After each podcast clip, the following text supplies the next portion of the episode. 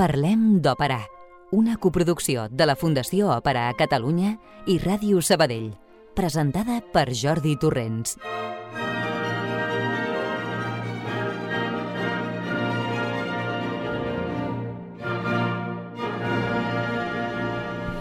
Hola, què tal? Esteu bé?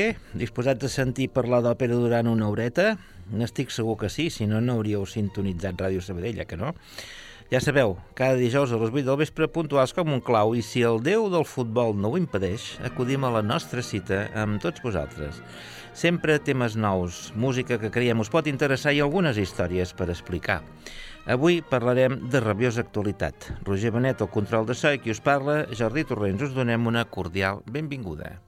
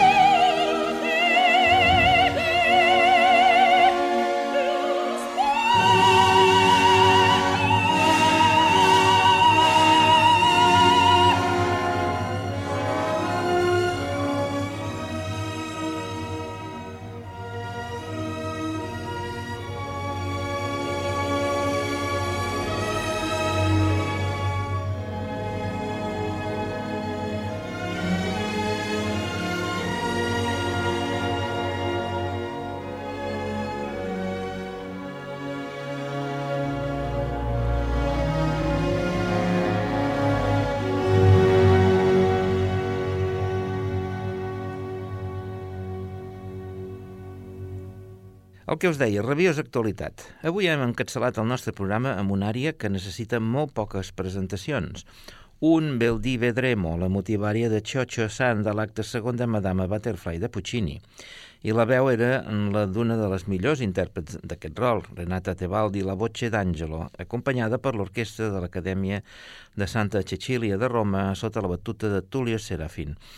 I el punt d'actualitat rabiosa el dona el fet que aquesta òpera puja la setmana vinent a l'escenari de la faràndula per després viatjar per nombroses ciutats catalanes com a continuació de la temporada 2022-2023 de la Fundació Òpera de Catalunya, la FOC. Dimecres, dia 15, serà l'estrena i la podrem veure a la nostra ciutat també el divendres 17 i el diumenge 19. Després us en donaré detalls de tot plegat, però per ara recuperem una vella costum que vàrem aturar en els temps de la plaga, que és la de convidar aquí a l'estudi algun dels protagonistes de la producció en qüestió. Per això tenim amb nosaltres un vell conegut nostre, que no és la primera vegada que conversem amb ell en antena. I doncs així donem la benvinguda al tenor Enrique Ferrer, que serà Pinkerton en aquesta producció. Bienvenido, crack. Muy buenas, buenas noches, buenas noches. Com, eh, com estamos? Pues muy bien, pues ¿Sí? aquí en plenos ensayos y con ganas ya. Con ganas, con ganas de echar ya allí de chulo americano. Por...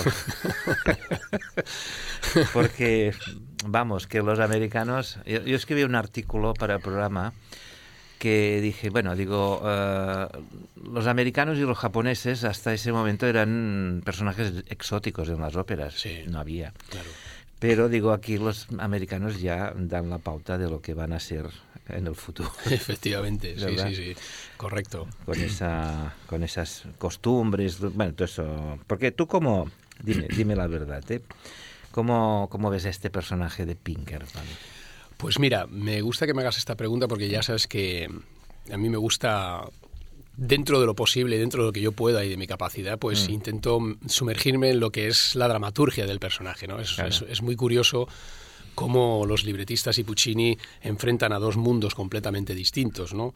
Un mundo, un mundo militar, eh, expansivo, Mm. que empieza pues, pues eh, en imperio americano, ¿no? A expandirse por todo el océano, y Japón anclada en, en- en sus, eh, ¿cómo, se, cómo, se, ¿cómo lo podré explicar? En su sus, tradición. En sus tradiciones, Sí, ¿no?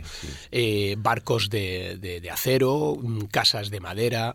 Entonces, bueno, yo hice mis notitas eh, y, y las tengo aquí. Si quieres, te, Sí, te- las, por favor. te las explico. No, No, no estaba preparado. ¿eh? no estaba nada preparado, no estaba ¿no? porque son unas notas que yo voy haciendo a lo largo Sí. que pues, pues yo pensaba que a lo mejor pues es una mente adolescente, ingenuo, superficial, Mm. un hombre quizá no muy culto, solo sabe lo que es conveniente a su país, Mm. a su gente, sus tradiciones y costumbres.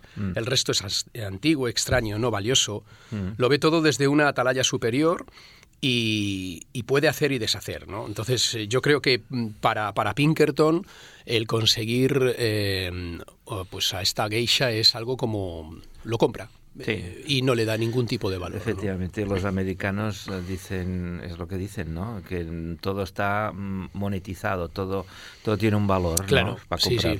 Y además esa cosa que mm, de que no de que no es de que no es importante, que es Sí, superficial, ¿no? sí, sí, sí, sí. Bueno, de hecho ya es muy explícito y muy claro cuando expone su filosofía de vida, ¿no? Ese dovunque al mundo, lo yankee vagabondo, ¿no? Dice yo, oye, me planto Sí. aquí, hago lo que me sale de, de allá Sí, y sí, sí. el otro, luego está el cónsul, que también es americano, pero es un señor más maduro. Y es curioso cómo él es joven, Mm. representa la América nueva, moderna, Sí. eh, expansiva. Y Sharpless todavía tiene esa, esa cosa del dor inglés, ¿no? Sí. De, de esa antigua... Bueno, y además es diplomático, que, Claro. que tiene que tener unas cualidades específicas para su oficio y él le dice, bueno, pues oye, es un, un evangelo, ¿no? Pero, eh, correcto, efectivamente. pero no, él no ve nada claro que sea, que sea lo más correcto. Sí. Bueno, de hecho es un choque de dos mundos, un choque cultural. Hmm. Como tú bien decías, los Estados Unidos cuando empiezan a expandirse ¿no? hacia el dominio mundial, los japoneses, Japón, que es cuando sale de su cascarón y empieza a aparecer por el mundo, pues esto es finales del 19, principios del 20, ¿no? Que los japoneses llevaban unos años, digamos, de, de apertura, porque era una cultura ancestral muy aislada, lógicamente es una isla que estaba fuera de todos los circuitos navegables, digamos, desde Europa, ¿no? Claro, y, claro. Y, y es esto, no, es muy esta ópera por, por este motivo es doblemente interesante. Sí, porque yo. esto que estás apuntando, que mm. también lo, lo, estudié en su momento, uh -huh. es justo el periodo, mira, el 3 de enero del 68, de 1868, mm. comienza la restauración Meiji. Sí. Que, eh, que, fue una restauración aperturista, ¿no? Sí. Hay una película de, que es el último emperador, que habla un poco de esto, ¿no? De, Mm. de el último samurái. Del, perdón, el último emperador, Sí, el último el samurái, efectivamente, el último sí. samurái, perdón. Sí. Que también estuve viendo hace poquito, la estuve re- revisando de nuevo, porque habla un poco de, A ese, en- de ese periodo, ¿no? Sí.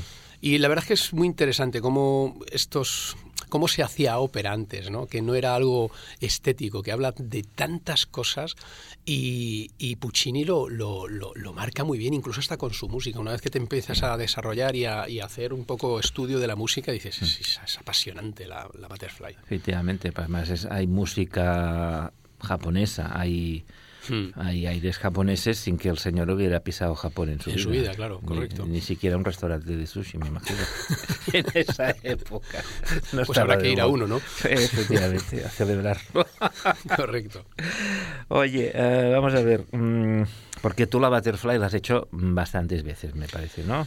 Bueno, es una ópera que la he hecho, he hecho, creo que llego a vuestra a la producción de, de Sabadell, es la cuarta producción que hago, pero no es una fu- función que yo haya hecho muchas eh, Mm. funciones, quiero decir. Eh, la, he hecho en- la última vez que la hice fue en La Maestranza de Sevilla, una producción maravillosa que se, que se estrenó creo que en Peralada, la de Mm.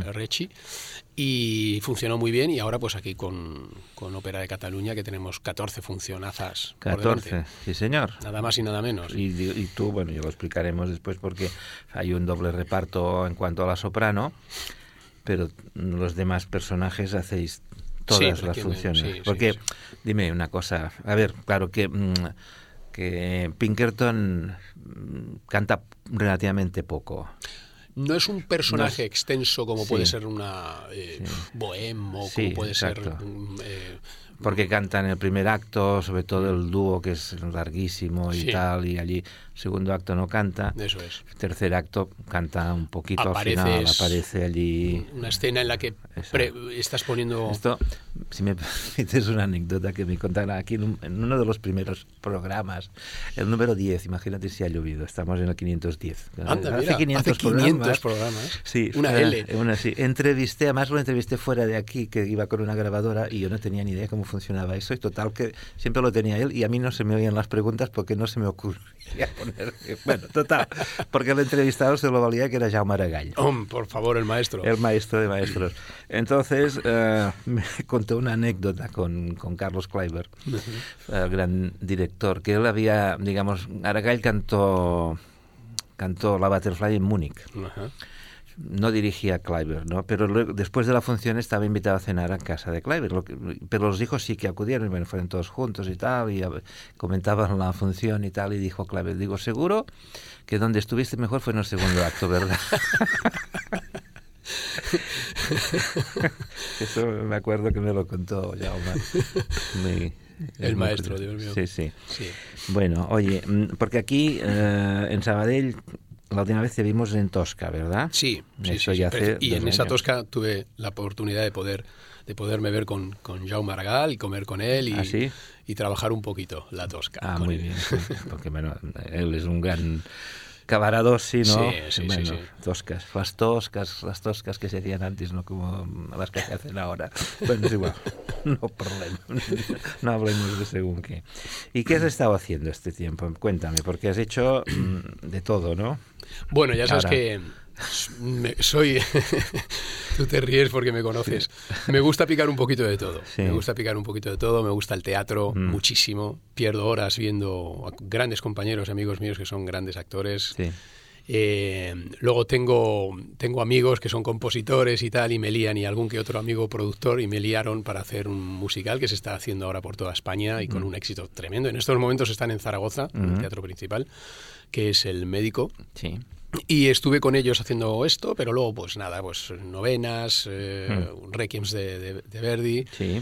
La verdad que la pandemia nos descolocó a todos y todavía las ondas siguen, ¿no? Porque ha habido muchas cosas que se tuvieron que, posponer y, mm. y, ya, ya estamos colocando las fechas, ¿no? Para, sí, para ópera. Sí, es que la pandemia fue un, una sacudida brutal para todo el mundo. Tremenda, tremenda, tremenda. Porque, bueno, nosotros, fíjate, nosotros nos pilló en plena traviata y tuvimos que cancelar las dos últimas funciones. Entonces, bueno, empezó todo y tenía, luego teníamos que hacer Macbeth, cancelamos la producción, pero hicimos así para hacer algo. en, a finales de año hicimos dos funciones de concierto en Sabadell, que no era lo previsto porque era la gira, pero, pero al menos eso.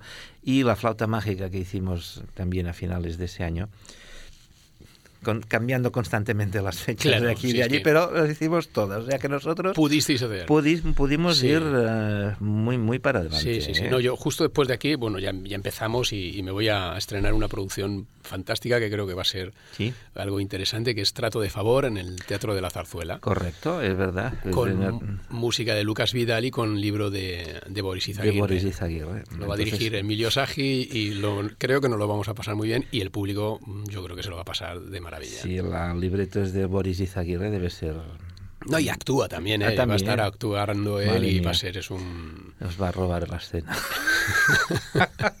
Debe ser Nos va a quitar el foco. va a ser una comedia, me imagino. Sí, es una comedia y con su tono también crítico hacia la sociedad, hacia los momentos en los que estamos viendo, pero, pero nada, va a ser... Porque esto de trato de favor intuyo que puede estar, digamos, oye, tú eres amiguete, yo soy amiguete, por ahí va la cosa. Bueno, no puedo adelantar acontecimientos no hagas spoilers, pero... pero... pero... hay cosas de trato de favor, ¿no? hay una cárcel, hay unas reclusas, hay un recluso, y no puede haber trato de favor hacia determinadas personas. Sí, pero, las hay. Pero lo hay. como las migas, ¿no? A verlo, haylo. Sí.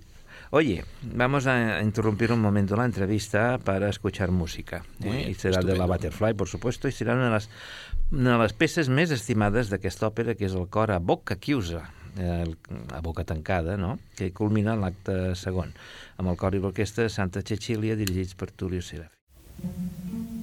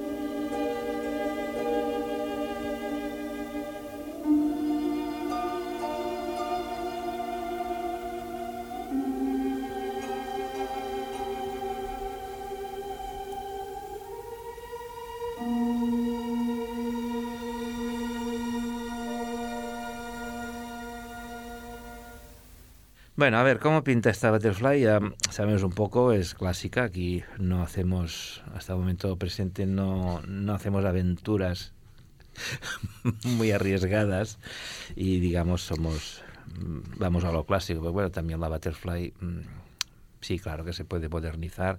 Incluso en París creo que hicieron una que sucedía en el espacio, por la Luna o en Marte, no Sí. sé dónde.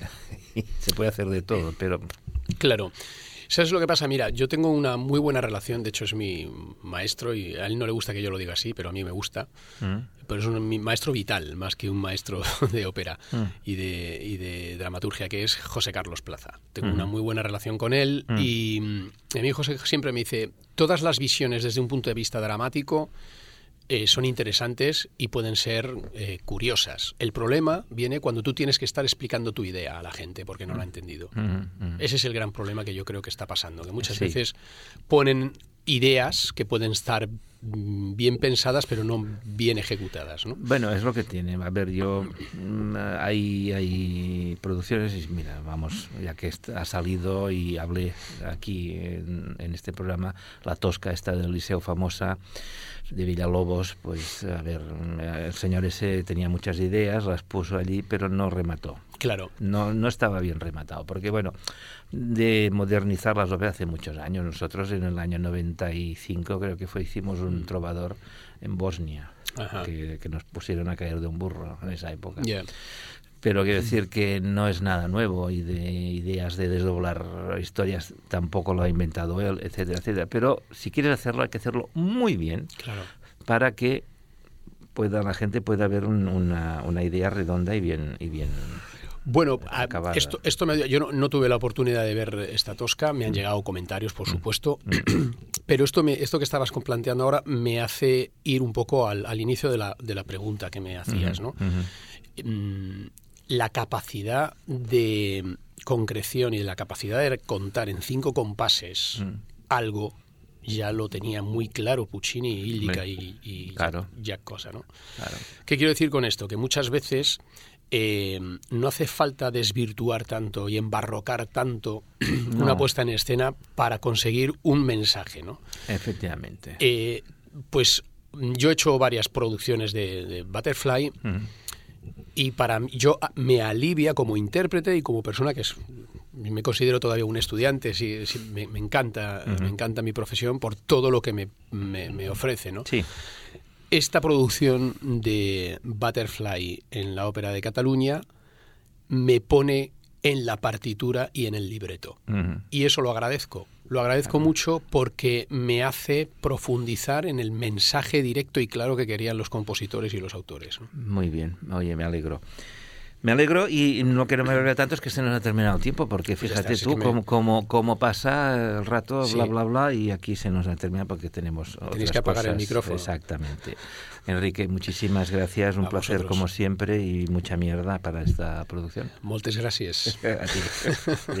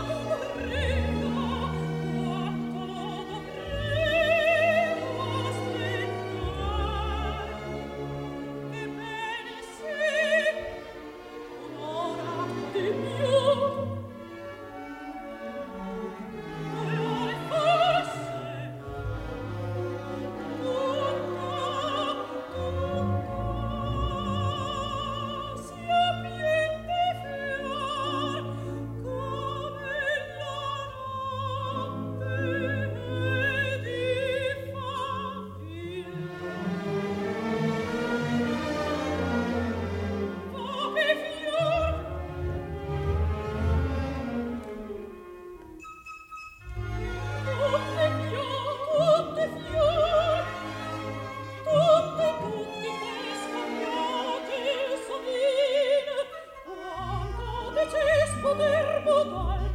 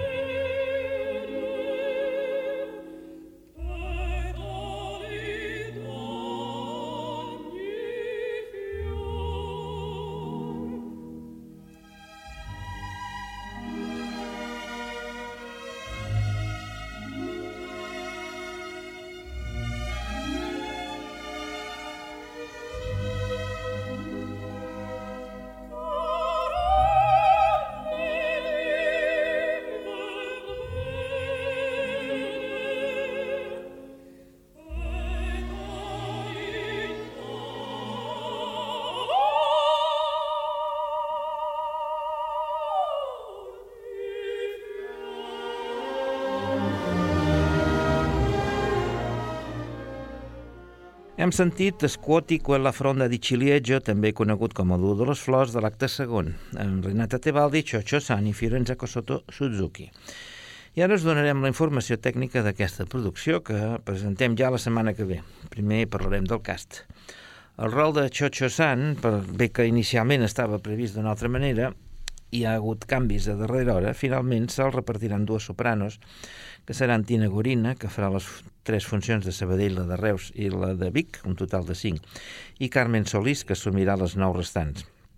En els altres rols, el mateix cantant farà totes les funcions i seran Enrique Ferrer, ja ho heu sentit, com a Benjamin Franklin Pinkerton, Manel Esteve eh, serà el cònsul Sharpless, Anna Tovella serà la servent Suzuki, Jorge Juan Morata serà Goro, Joan García Gomà, el príncep Yamadori, Juan Carlos Esteve, Lozio Bonzo, eh, Laura Bradós, Kate Pinkerton, Alejandro Chelet, el comissari imperial, Fabián Reynolds, Jacuside, eh, Jordi Ferrer, l'oficial del registre, Esperança Vergés, Adriana de León i Eugènia Montenegro, repartint-se el rol amb Esther de Santos, seran respectivament la mare, la tieta i la cosina de Chocho San. Com sempre, l'Orquestra Simfònica del Vallès hi posarà la música i en aquesta ocasió serà dirigida pel sabadellenc, establert a Alemanya, Sergi Roca Bru. Aquí ja coneixem de la Tosca del 2021. El cor d'Amics de l'Òpera de Sabadell, que no intervé molt en aquesta òpera, serà dirigit pel seu titular, Daniel Gil de Tejada.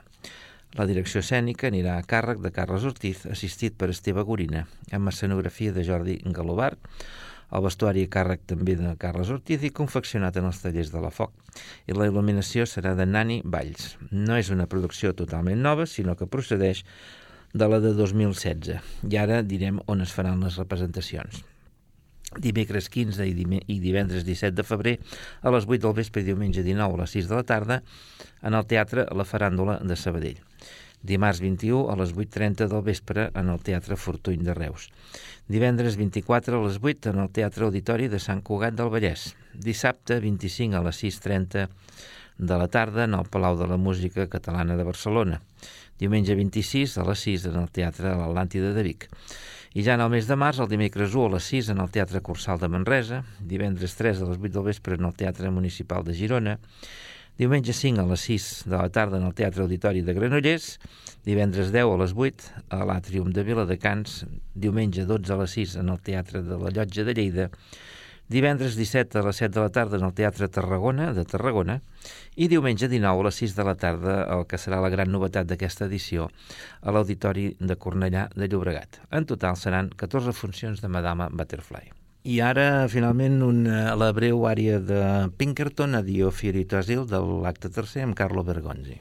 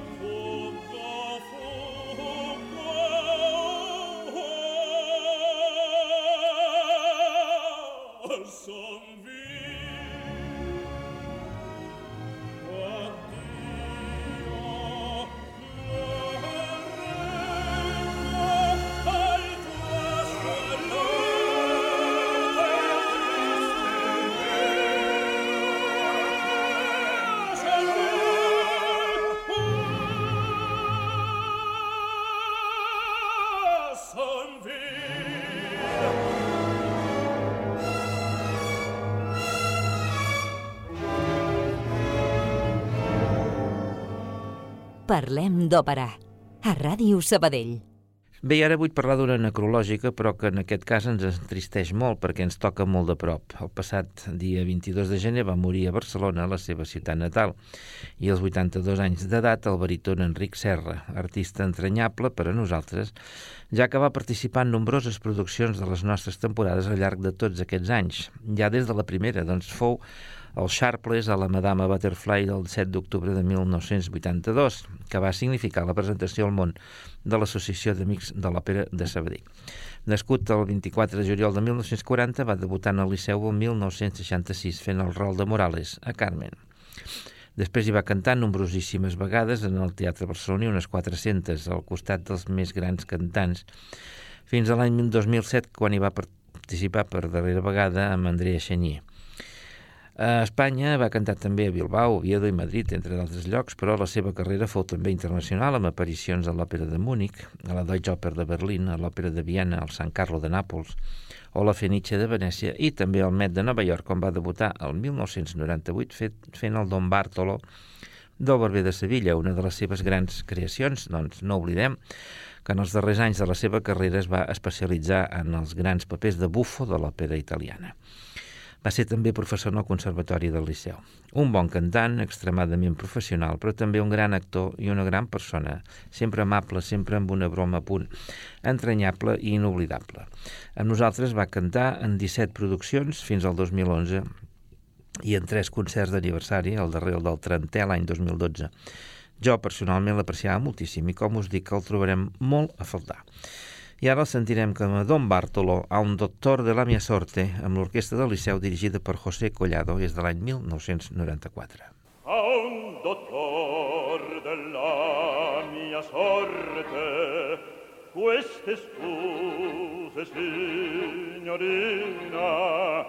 a un doctor de la mia sorte, queste scuse, signorina, Vi consiglio, mia carina, un po' meglio imposturar, meglio, meglio, meglio, meglio. Vi consiglio, mia carina, un po' meglio imposturar, meglio, meglio, meglio, meglio. Vi consiglio, mia carina, un po' meglio imposturarsi, ah, sì, sì.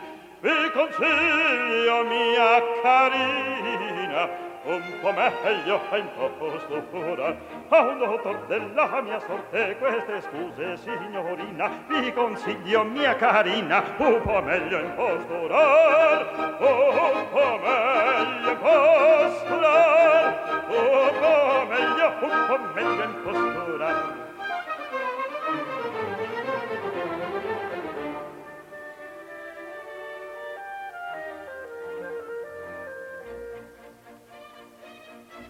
Confetti alla ragazza.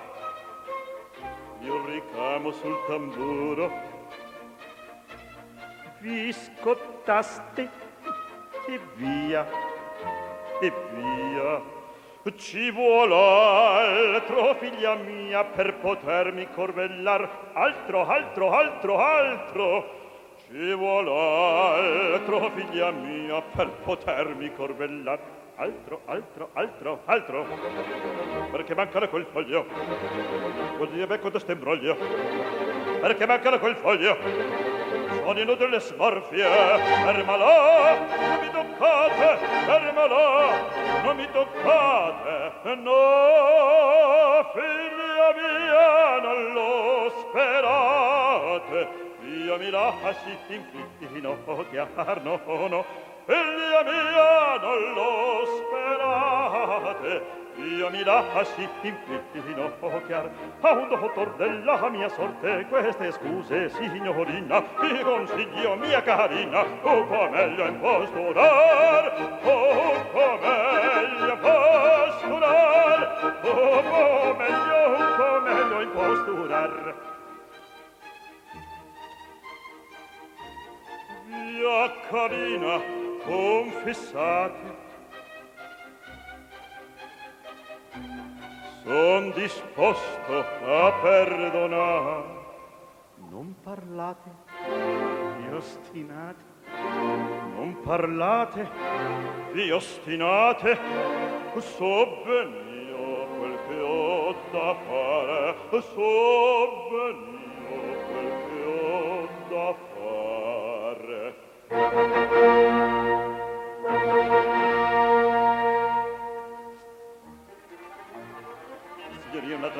batterò da fuori. Signorina, un'altra volta quando batterò da fuori, la consegna se vittoria, suo voto m'atterrà.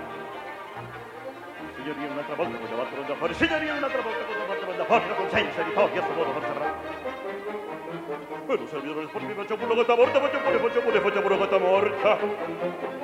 Cospetto, metto la porta, cospetto, perché la porta, rivellare, rivellare, rivellare, della porta. Ove la porta, rivellare, della porta.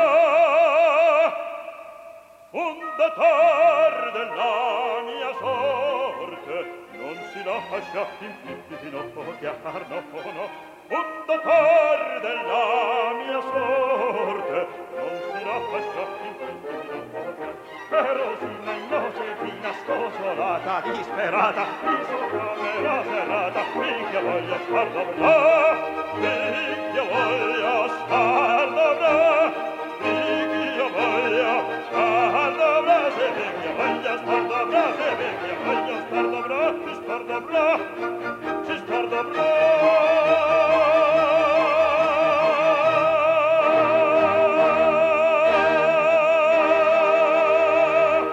T'agrada l'òpera? En parlem a Ràdio Sabadell.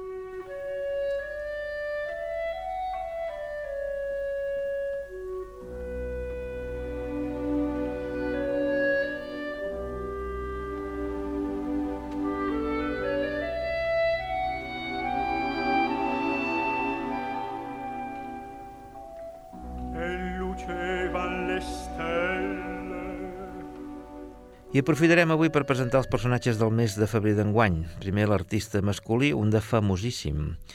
Presentem el baix rus Fyodor Chaliapin, un dels més cèlebres baixos de la història. Nascut en una família pagesa el 13 de febrer de 1873 a Kazan.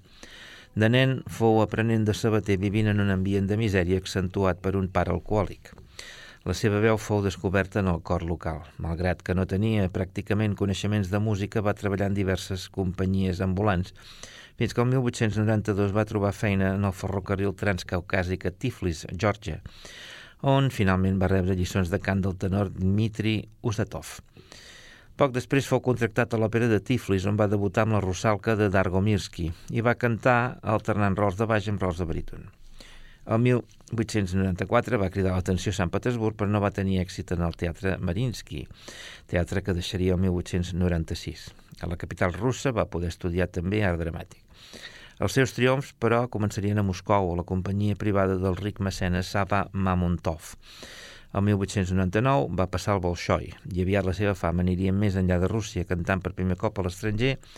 El març de 1901 a l'Escala, amb Caruso, eh, i van cantar el Mefistòfele de Boito, òpera amb la que debutaria en el Met el 1907. La seva actuació més aclamada fou el 1908 a París amb Boris Godunov, fet que el va catapultar al més alt nivell d'estrelles internacionals de l'òpera. En el Liceu hi va cantar el 1927, el 1929 i el 1933. Boris Godunov, La donzella de Pskov, Mefistòfele i Don Quixot de Massenet, òpera que havia estrenat el 1910 a Monte Carlo, ciutat en la qual es va convidar dels escenaris el 1937 amb Boris Godunov. Fyodor Chaliapin va morir a París el 12 d'abril de 1938 als 65 anys d'edat. I ara el sentirem en L'hora del meu triomf s'apropa, també conegut com el rondó de Farlaf, una àrea per a baix de ritme vertiginós de l'òpera Ruslan i Ludmila de Mikhail Glinka amb la London Symphony Orchestra dirigida per Max Steinman de l'any 1931. О, радость! Я знал, я чувствовал заранее,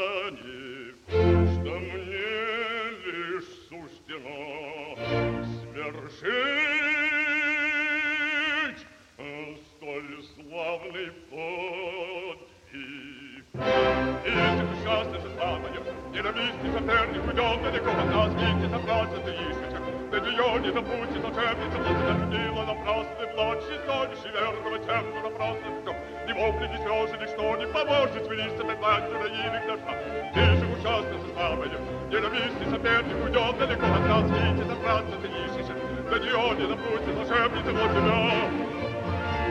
Услав забудьте о любви, Любви на жениха Забудь привести обладать нежной Сердце радостью стюсять И заранее вкушать Сладость вечной любви Сердце радость ощущать И заранее вкушать Сладость вечной любви Тишим ужасным планою Ненавистный соперник уйдет далеко От нас видит напрасно ты ищешь До нее не допустит волшебница Москвя на волны тревоги Татарии и Грузии. Питайся восьмедного и храбрых соперников. Эйся сагами на тайны, держи, не дудя, сиди на бочь, я на береге на силу, за меня покидая повеление Таины. Мне налег желанный день, день восторга и любви. Больше стонешь и верного сердца напрасно ты все. Не мог, ни весел, тебе кто не поможет, и лишься ты властью на имя княжна. Тише ужасно за слабая, не любишь ты соперник, уйдет далеко, Засмите напрасно ты ищешься. Для нее не допустит зажерпница, владелец долг, ты боги расходишь. Здесь победу мы кроме себе, здесь камера тайна, сердце, мы боги расходишь, Здесь камера тайна, сердце, не дуга, не не اوڏه ياتا دي ني برهتي تي تو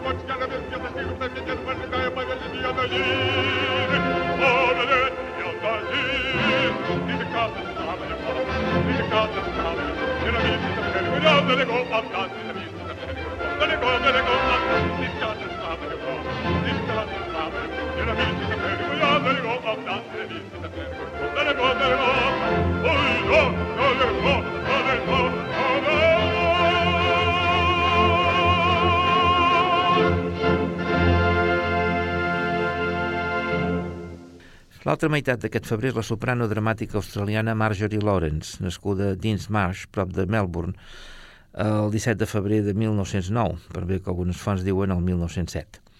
Va estudiar a Melbourne i a París, debutant com a Elizabeth de Tannhäuser a Monte Carlo el 1932.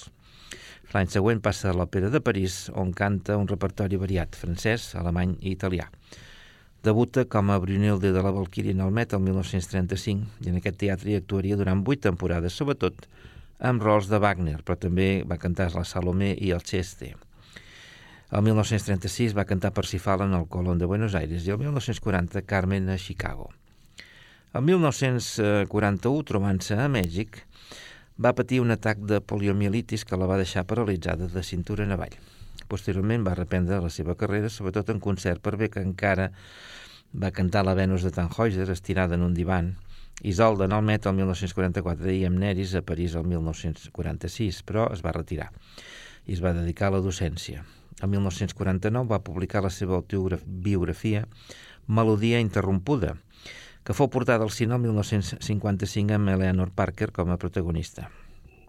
Com a anècdota us diré que és l'única soprano que, com volia Wagner, va interpretar l'escena de la immolació de Brunilde del Götterdammerung dalt de cavall.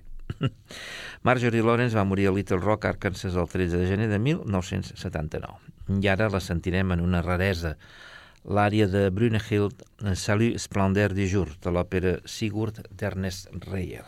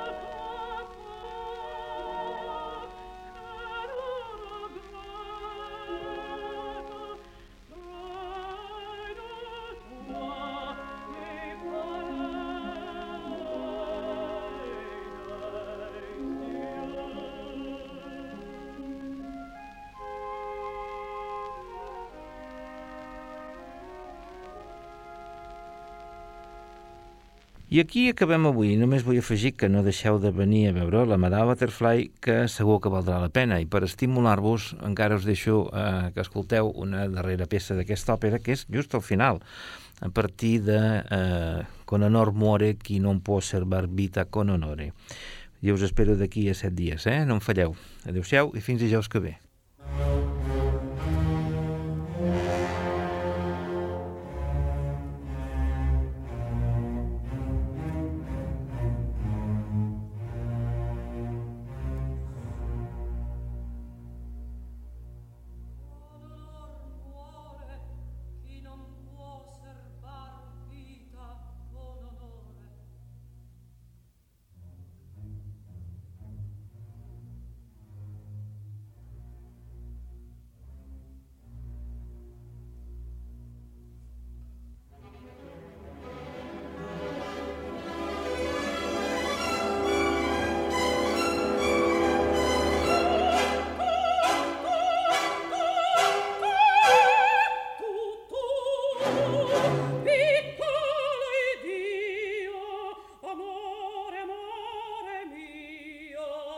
Thank you.